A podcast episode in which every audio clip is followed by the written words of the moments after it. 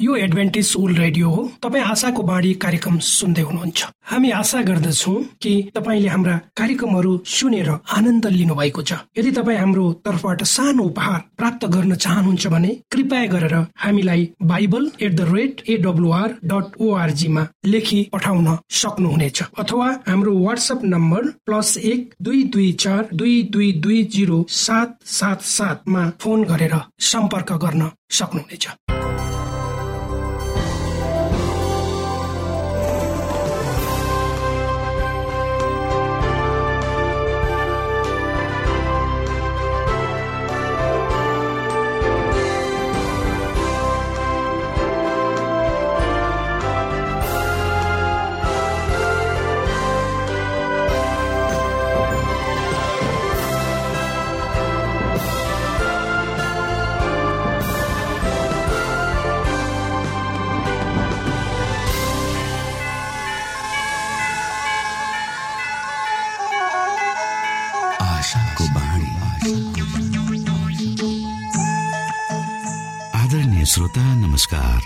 समय तपाईँ Adventist world रेडियोको प्रस्तुति भोइस अफ होप आशाको बाणी कार्यक्रम सुन्दै हुनुहुन्छ।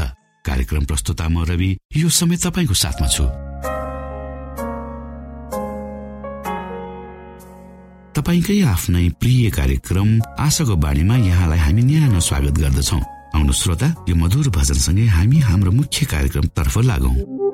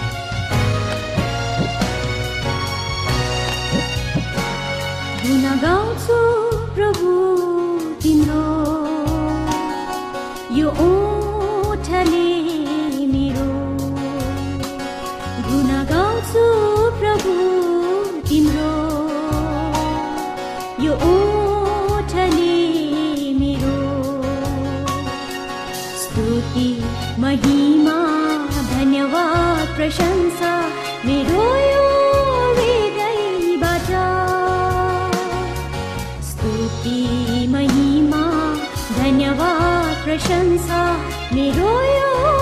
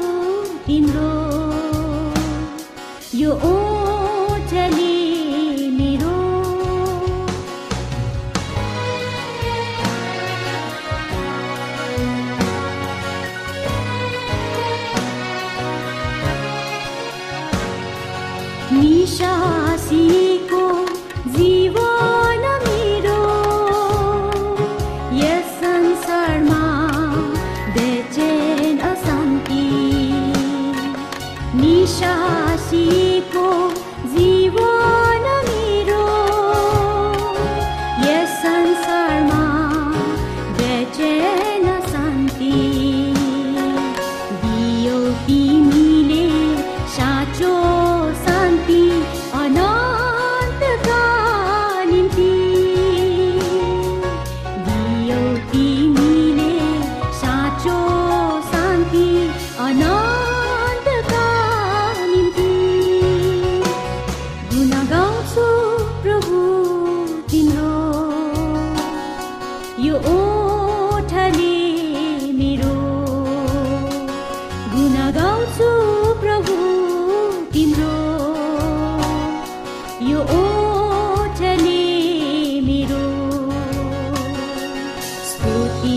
महिमा धन्यवाद प्रशंसा मेरो यो हृदयबाट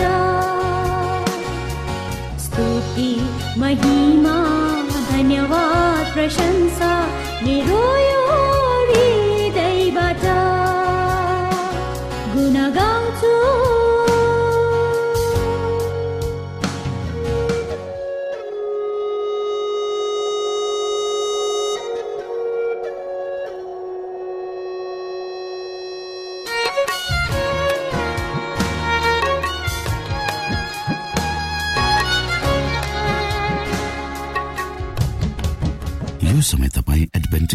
रेडियोको प्रस्तुति भोइस अफ होप आशाको बाणी कार्यक्रम सुन्दै हुनुहुन्छ। श्रोता मित्र यो समय हामी पास्टर उमेश पोखरेलबाट आजको बाइबल सन्देश सुन्नेछौ। श्रोता साथी न्यानो क्रिस्टी अभिवादन। म तपाईँको आफ्नै मित्र पास्टर उमेश कुमार पोखरेल परमेश्वरको वचन लिएर पुनः तपाईँहरूको माझमा उपस्थित भएको छु। मलाई आशा छ तपाईँका जीवनका सम्पूर्ण पक्षहरू परमेश्वरको अगुवाईमा ठिकठाक रूपमा बढ्दैछन्। र म तपाईँहरूको लागि निरन्तर प्रार्थनारत छु श्रोता आजको प्रस्तुतिलाई अगाडि बढाउनुभन्दा पहिले आउनुहोस् हामी परमेश्वरमा अगुवाईको लागि बिन्ती राखौँ। जीवित महान परमेश्वर पिता प्रभु हामी धन्यवादी छौँ। यो जीवन र जीवनमा दिनुभएका प्रशस्त आशिषहरूको यो जीवनलाई हामी तपाईँको हातमा सुम्पन्छौँ तपाईँले हाम्रो जीवनलाई तपाईँको इच्छा अनुसार चलाउनुहोस् र त्यसबाट तपाईँको महिमा होस्। यो रेडियो कार्यक्रमलाई प्रभु म तपाईँको हातमा राख्दछु। तपाईँको राज्य महिमा र प्रचारको खातिर यो कार्यक्रमलाई तपाईँले यो देश र सारा संसारका कुना कुनामा पुर्याउनुहोस्। सबै बिन्ती प्रभु यीशुको नाममा। आमेन।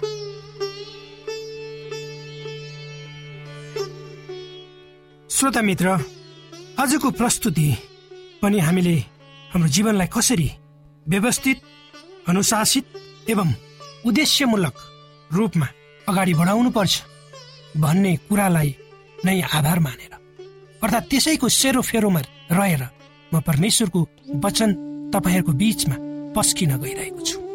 र हिजोको प्रस्तुतिमा श्रोता हामीले कुरा गरेका थियौँ कि आजको संसार सबैको लक्ष्य सबैको योजना र गन्तव्य पैसा भएको छ। र मानिसहरूको सफलता असफलतालाई उसले आर्जन गरेको रुपियाँ पैसासँग मापन गर्ने गरिएको छ। तर त्योभन्दा अगाडि हामीले हेऱ्यौँ कि जबसम्म हामी यो संसारमा रहन्छौँ तबसम्म हामीले गरेका सम्पूर्ण कार्यहरूको लेखा तपाईँ र मैले परमेश्वरलाई दिनुपर्छ। त्यसबाट कोही पनि उम गर्न सक्दैन। र आज यी सबै कुराहरू कसरी भए त? किन मान्छे यसरी अस्वस्थ प्रतिस्पर्धामा दौडिरहेको छ? किन मान्छे यसरी लालची भएको छ? र मै खाउँ मै लाउँ सुखशैलमा मै बसौँ मोज गरौँ भनेर मान्छेले आफ्नो जीवनको उद्देश्य बनाएर त्यही उद्देश्य प्राप्तिको लागि मान्छे दिन प्रतिदिन आफूलाई ख्याउँदैछ त। यी सबैको कारण पाप हो श्रोता। र पापको कारणले मानिसको मनमा स्वार्थीपनको बिजारोपण भयो र त्यही स्वार्थीपनको कारणले अर्थात् मान्छेले सबभन्दा पहिले आफूलाई सोच्ने कारणले आफ्नै हित खोज्ने कारणले आज संसारका सबै मानिसहरूको जीवनको लक्ष्य र केन्द्रबिन्दु चाहिँ रुपियाँ पैसा र धन सम्पत्ति आर्जन गर्नेमा रहेको हामी पाउँछौँ। र यो यसको जग वा सुरुवात मैले भनिहालेँ मानिसहरूमा। त्यो शैतानले वा पापको कारणले शैतानले जगाएको लोभ र स्वार्थीपन नै हो। भनेर हामीले बुझ्नुपर्छ र यसबाट हामी अनभिज्ञ छैनौँ भन्ने मैले महसुस गरेको छु। यसले अर्थात् रुपियाँ पैसाले मानिसमा जीवनको सुरक्षाको अनुभूति दिलाउँछ र अन्तत सबै मानिसको जीवनको लक्ष्य यसैमा केन्द्रित भएको पाइन्छ भन्दा अतियुक्ति नहोला। किनकि मानिसहरू आफू वृद्ध भएपछि आफ्नो खाने बस्ने स्वास्थ्य उपचारको सुनिश्चितता चाहन्छन् जुन जीवनको अति आवश्यक आवश्यकता पनि हो। तर पवित्र धर्मशास्त्र बाइबलमा प्रभु येशुले आफ्ना चेलाहरूलाई यी सांसारिक कुराहरूको खोजीमा आफूलाई नहाल्न सावधानी गराउनु भएको छ। जुन पवित्र धर्मशास्त्र बाइबलको मत्ती भन्ने पुस्तकको छ अध्यायको बत्तीसदेखि चौतिस पदमा यसरी लेखिएको छ। र प्रभु येशुले भन्नुहुन्छ किनकि अन्य जातिहरूले यी सब थोक खोज्छन् र तिमीहरूका स्वर्गमा हुनुहुने पिताले तिमीहरूलाई यी सबै थोकको खाँचो छ भने जान्नुहुन्छ। तर पहिले उहाँको राज्य र उहाँको धार्मिकताको खोजी गर र यी सबै थोक तिमीहरूको निम्ति थपिनेछ। यसकारण भोलिको निम्ति फिक्री नगर किनकि भोलिको दिनले आफ्नो फिक्री आफै गर्नेछ। प्रभु यीशुले यहाँ स्पष्ट भन्नुभएको छ आफ्नो चेलाहरूलाई। भोलिको निम्ति फिक्री नगर किनभने भोलिको दिन आफ्नो फिक्री आफै गर्नेछ।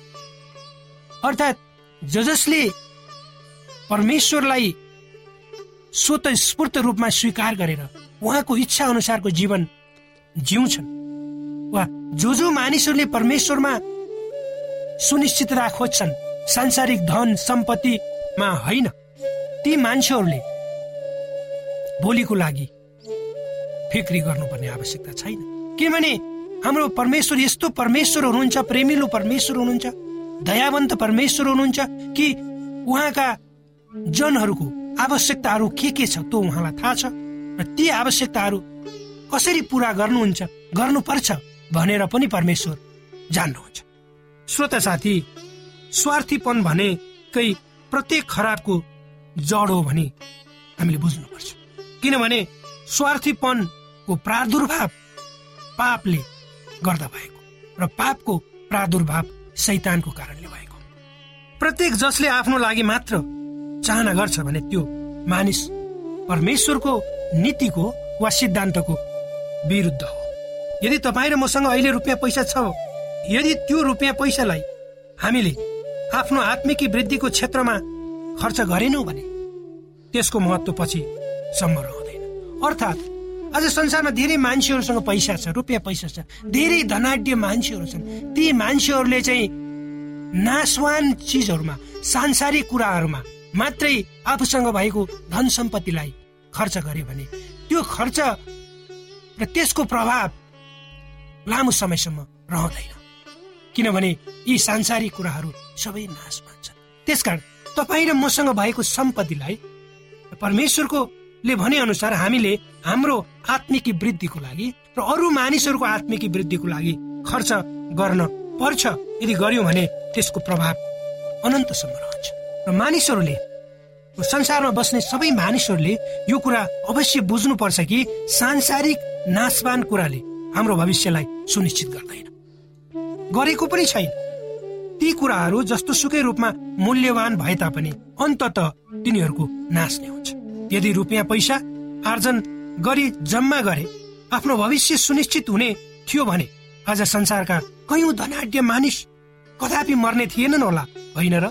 श्रोता यी तपाईँ र मसँग भएका शारीरिक चिजबिज हाम्रो धन सम्पत्ति पद प्रतिष्ठा स्वास्थ्य घर गाडी सबै कुराहरू हामीले नसोचेको रूपमा हामीबाट एक दिन छिनिनेछ यस सत्य हामीले कदापि भुल्नु हुँदैन। अर्थात् तपाईँ र मसँग जे जति कुराहरू छन् तिनै कुरामा तपाईँ र मेरो मन छ र हाम्रो सबै भविष्यको सम्पूर्ण कुरो सुनिश्चित छ भनेर तपाईँले सोच्नु भएको छ र मैले सोचेका छु भने हामी गलतमा छौँ। किनभने हामीसँग भएका सबै कुराहरू एक दिन अचानक निवेशको भरमा हामीसँगबाट छिनिनेछ यो कुराको लागि तपाईँ हामी तयार हुनुपर्छ सधैँ। मानिसको लागि एउटै मात्र भविष्यको सुनिश्चितता भनेको अर्थात् तपाईँ र मेरो भविष्यको सुनिश्चितताको आधार एउटै मात्र हो। त्यो भनेको हामी के कस्तो हुनुपर्छ भन्दा हामी साधारण हुनुपर्छ साधारणपन हुनुपर्छ। हामी बालकहरू जस्तो विश्वास हामीमा हुनुपर्छ। परमेश्वर माथिको भरोसामा मात्र त्यो प्राप्त हुन्छ। जबसम्म तपाईँ हामी साधारण र बालकहरूको जस्तो विश्वास हामीमा हुँदैन र जबसम्म तपाईँ र मैले परमेश्वरमा पूर्ण भरोसा राख्न सिक्दैनौँ। तबसम्म हाम्रो भविष्यको सुनिश्चितताको ग्यारेन्टी तपाईँहरूलाई प्राप्त हुँदैन त्यसै कारण सांसारिक कुराहरूबाट हामीहरू स्पष्ट रूपमा टाढा रहनुपर्छ। र यस अर्थमा हामीले आर्जन गर्न हुँदैन नि भनिएको होइन। हामीसँग भएका रुपियाँ पैसाहरू नराम्रो हुन् भनेर पनि मैले भन्न खोजेको होइन। तर हामीसँग जे जे कुराहरू छन् ती परमेश्वरका हुन् र परमेश्वरले ती कुराहरू तपाईँ र मलाई आशिषको रूपमा दिनुभयो। र ती सांसारिक कुराहरू प्रति तपाईँ र म टाँसिएर त्यसैमा लागि पर्नु हुँदैन। र हामीसँग भएका जे जति थोकहरू छन् तिनलाई परमेश्वरको महिमाको लागि हामीले खर्च गर्नुपर्छ। श्रोता साथी पैसा भनेको देखिने जीवनको हरिसाब एक अमेरिकन लेखकले भन्छन् मानिसले ट्रेन चढ्दैन तर ट्रेनहरू मानिसमा चढ्छन्। अर्थात् ट्रेनहरू वास्तविक रूपमा मानिसहरूको जीवनमा यात्रा गर्छन्। यो भनाइ सुन्दा हामीलाई अनौठो लाग्छ। यो कुरा इसाईहरूमा पनि लागू हुन्छ। जब कसैले परमेश्वरलाई उपहारको रूपमा रुपियाँ पैसा दिन्छ त्यसले वास्तवमै आफ्नो जीवनको एक अङ्ग नै दिएको हुन्छ। किनकि जुन अङ्गलाई प्रयोग गरेर उसले रुपियाँ पैसा कमाउँछ। त्यसैले त आज इसाईहरूले आफ्नो जीवनको मूल्याङ्कन वा जीवनको उपलब्धि भनेको आफूले कति कमाए र भनेर गर्दैनन् तर इसाईहरूले आफ्नो जीवनको मूल्याङ्कन उपलब्धि भनेको आफूले कति दिएमा आधार मानेर गर्छन्। त्यसकारण संसारका मान्छेहरू र इसाईहरूमा यही फरक छ परमेश्वरले भविष्यवक्ता मार्फत आफ्ना जनहरूलाई सुध्र्यौ वा परमेश्वरतिर फर्केर आऊ भनेर आह्वान गर्नुभएको छ। उहाँले भन्नुहुन्छ तिमीहरूका पिता पुर्खाको समयदेखि नै तिमीहरू मेरा उर्दीहरूदेखि तर्केर गएका छौ र ती तिमीहरूले पालन गरेका छैनौ। मतिर फर्क र म तिमीहरूतिर फर्कनेछु सर्वशक्तिमान परमेश्वर भन्नुहुन्छ तर तिमीहरू सोध्छौ कि हामी कसरी फर्क्यौं के कुनै मानिसले परमेश्वरलाई लुट्छ र? तापनि तिमीहरू मलाई लुट्छौ? तर तिमीहरू सोध्छौ कसरी हामीले तपाईँलाई लुट्यौँ र? दशांशको भेटी। परमेश्वरले स्पष्ट रूपमा यहाँ देखाउनु भयो भन्नुभयो कि मानिसहरू परमेश्वरबाट तर्केर गएका थिए। मानिसहरूमा समस्या थियो किनभने मानिसहरूको हृदय स्वार्थले भरिएको थियो।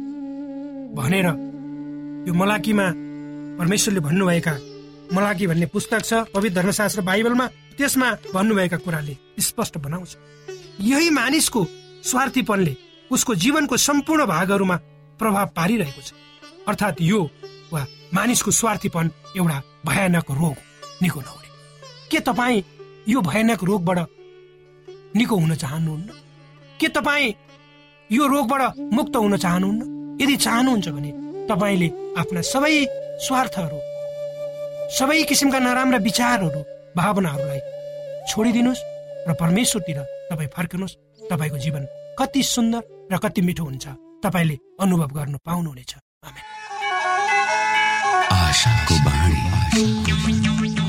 श्रोता भर्खरै यहाँले पास्टर उमेश पोखरेलबाट बाइबल वचन सुन्नुभयो। यो समय तपाईँ एडभेन्टिस्ट ओल्ड रेडियोको प्रस्तुति भोइस अफ होप आशाको बाणी कार्यक्रम सुन्दै हुनुहुन्छ। कार्यक्रम सुनेर बस्नुहुने सबै श्रोतालाई हामी हाम्रो कार्यक्रममा स्वागत गर्न चाहन्छौ। श्रोता मित्र यदि तपाईँ जीवनदेखि हरेस खानु भएको छ तपाईँका जीवनमा धेरै अनुत्तरित प्रश्नहरू छन् भने आउनुहोस् हामी तपाईँलाई परमेश्वरको ज्योतिमा डोहोर्याउन चाहन्छौँ। र तपाईँ आफ्नो जीवनका चिन्ता फिक्रीबाट निश्चिन्त हुनुहोस् र बाँच्नुको आनन्द परमेश्वरको सामिप्यमा कति मिठो हुन्छ त्यो चाख्नुहोस् भनी हामी चाहन्छौँ। श्रोता यदि तपाईँ आशाको बाणी कार्यक्रमलाई अनलाइन सुन्न चाहनुहुन्छ वा डाउनलोड गर्न चाहनुहुन्छ भने जानुहोस्। त्यहाँ तपाईँले प्रत्येक दिनको कार्यक्रम सुन्न र डाउनलोड गर्न सक्नुहुनेछ। हाम्रो वेब पेज यस प्रकार छ।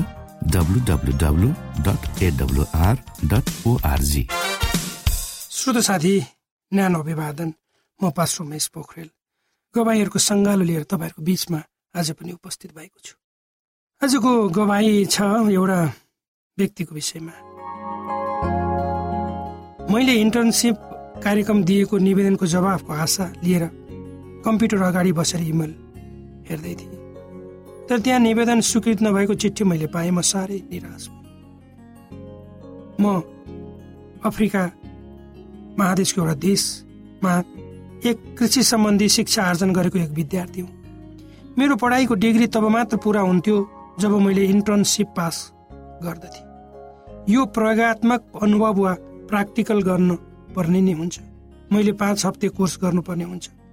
अनि मात्र मैले डिग्री पुरा गर्नेछु। तर मैले निवेदन दिएको कुनै पनि इन्स्टिच्युटले मलाई स्वीकार गरेन। मैले उक्त इन्टर्नसिप बिना डिग्री हासिल गर्न पाइनँ। मैले मेरो काकाको छोरो जो सहरमा बस्थ्यो उसलाई सम्पर्क गरेँ। ऊ त्यस सहरमा व्यवस्थित युनिभर्सिटीमा पढ्दै थियो। मैले उसको स्कुलमा फार्म छ भनेर सोधेँ। उसले त्यहाँ फार्म छ र फार्म म्यानेजरलाई एकचोटि सम्पर्क गर्न आग्रह गर्यो। त्यसपछि पुरै एक हप्तापछि बल्ल आनन्दको लामो सासले केही आशावादी मलाई थाहा थियो धार्मिक कार्यमा इसाईहरू अति नै कडा हुन्छन् भनेर। जस्तै साबत दिनलाई मान्नु सुँगुरको मासु नखानु आदि मलाई मनमा कता कता डर लागिरहेको थियो कि म त्यहाँ कसरी काम गर्न सक्छु भने। जब मेरो निवेदन स्वीकार भयो त्यसपछि मलाई लाग्यो म त्यहाँ जानै पर्छ। त्यहाँ जानु अगाडि मैले अभिभावकहरूलाई भन्नै पर्छ। म त्यो डाँडाको युनिभर्सिटीमा पुगेँ वरिपरि राम्रो राम्रोसित हेरेँ। त्यो क्याम्पस साधारण देखिन्थ्यो। त्यहाँका विद्यार्थीहरू मिजासिला थिए। मेरो काकाको छोरो पनि आयो मलाई पनि आफूसित उसको घरमा जान आग्रह। मैले अर्को दिनदेखि खेतमा काम गर्न थालेँ। हामी सबैजना सधैँ अति नै कडा मेहनत साथ काम गर्थ्यौँ। तर शुक्रबारको दिउँसो फार्म म्यानेजरले अब घर जाऊ र साबतको लागि तयार गर गर भनेर भने। त्यस दिन बेलुका मेरो काकाको परिवार भजन गाउन प्रार्थना गर्न थाले। उनीहरू भन्दै थिए सूर्य अस्ताएपछि साबत सुरु हुन्छ र हामी चर्च जानुपर्छ। दुई हप्ता बित्यो म आफ्नो कामप्रति अति नै खुसी थिएँ। अझ त्योभन्दा बढी मेरो झुकाउ साबतप्रति अझ बढी थियो। म काम कहिले सकिएला भनेर हतारिनु भन्दा पनि सेवकाईको दिन कहिले आउला भनेर हतारिन्थे। मेरो आमाले फोन गर्नुहुन्थ्यो। बारम्बार सचेत गराउनुहुन्थ्यो कि पारिवारिक धर्म नछोड भनेर सम्झाउनुहुन्थ्यो। म भित्र भने अझ बढीभन्दा बढी केही कुराहरू जान्ने उत्सुकता पलाएको थियो। मैले त्यसलाई मार्न सकिनँ। मलाई दिनदिन अझ बढी प्रश्नहरू मनमा उठ्न थाले कि खास गरेर एडभेन्टिसहरूले केमा विश्वास गर्छन् भनेर। किन मेरो आफ्नो परिवारको धर्मभन्दा यो भिन्न छ भनेर मैले जान्ने इच्छा गरेँ। मैले धेरै प्रश्नहरू मेरो काकाको परिवार समक्ष राखेँ। बाइबलबाट हामीले धेरै कुराहरू छलफल गर्यौँ। म साबत स्कुलमा पाठ पनि राम्रोसित अध्ययन गरेर चर्च जान्थेँ ताकि म भित्रदेखि अझै बलियो बन्न सकौँ। म कसैले कुनै प्रश्न गरेँ भने त्यसको उत्तर दिन सकौँ? एक दिन मेरो काकाको घरमा एउटा किताब मैले देखेँ जुन किताबको नाम प्याट्रिक्स एन्ड प्रोफेट थियो जसलाई मैले पढ्न सुरु गरेँ।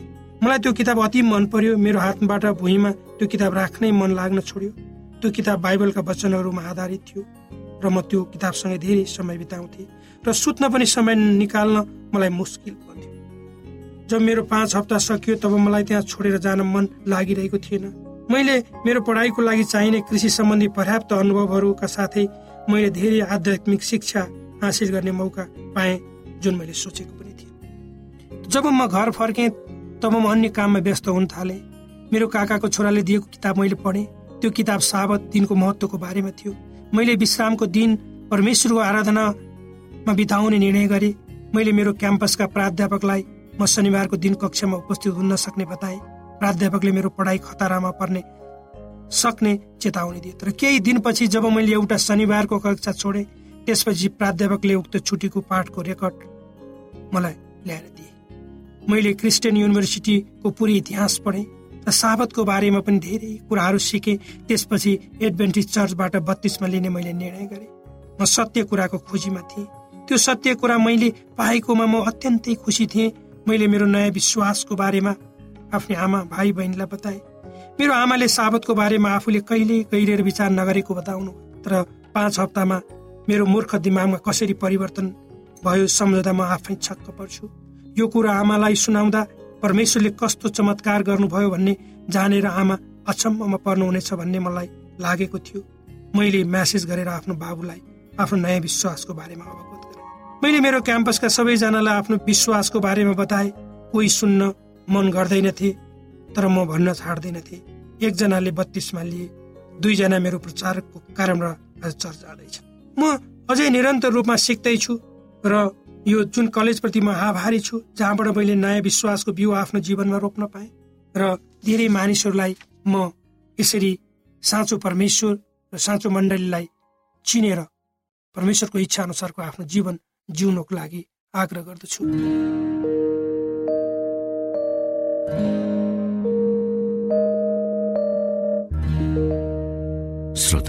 तपाईँलाई आजको हाम्रो यो कार्यक्रम शिक्षाप्रद लाग्यो र तपाईँले यसबाट विशेष अगुवाई लिन सक्नु भएको छ भने हामीले आशा लिएका छौँ।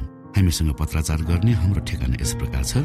आशाको बाणी पोस्ट बक्स नम्बर दुई शून्य शून्य शून्य दुई काठमाडौँ नेपाल। श्रोता यदि तपाईँ हाम्रो स्टुडियोको नम्बरमा सम्पर्क गर्न चाहनुहुन्छ भने हाम्रा नम्बरहरू यस प्रकार छन्। अन्ठानब्बे एकसाठी पचपन्न शून्य एक सय बिस। अन्ठानब्बे एकसाठी पचपन्न शून्य एक सय बिस र अर्को अन्ठानब्बे अठार त्रिपन्न पन्चानब्बे पचपन्न। अन्ठानब्बे अठार त्रिपन्न पन्चानब्बे पचपन्न। हवस् त श्रोता भोलि फेरि यही स्टेशन र यही समयमा यहाँसँग भेट्ने आशा राख्दै प्राविधिक साथी राजेश आडा पास्टर उमेश पोखरेल र कार्यक्रम प्रस्तुता म रवि। यहाँसँग विदा माग्दछौ। नमस्कार।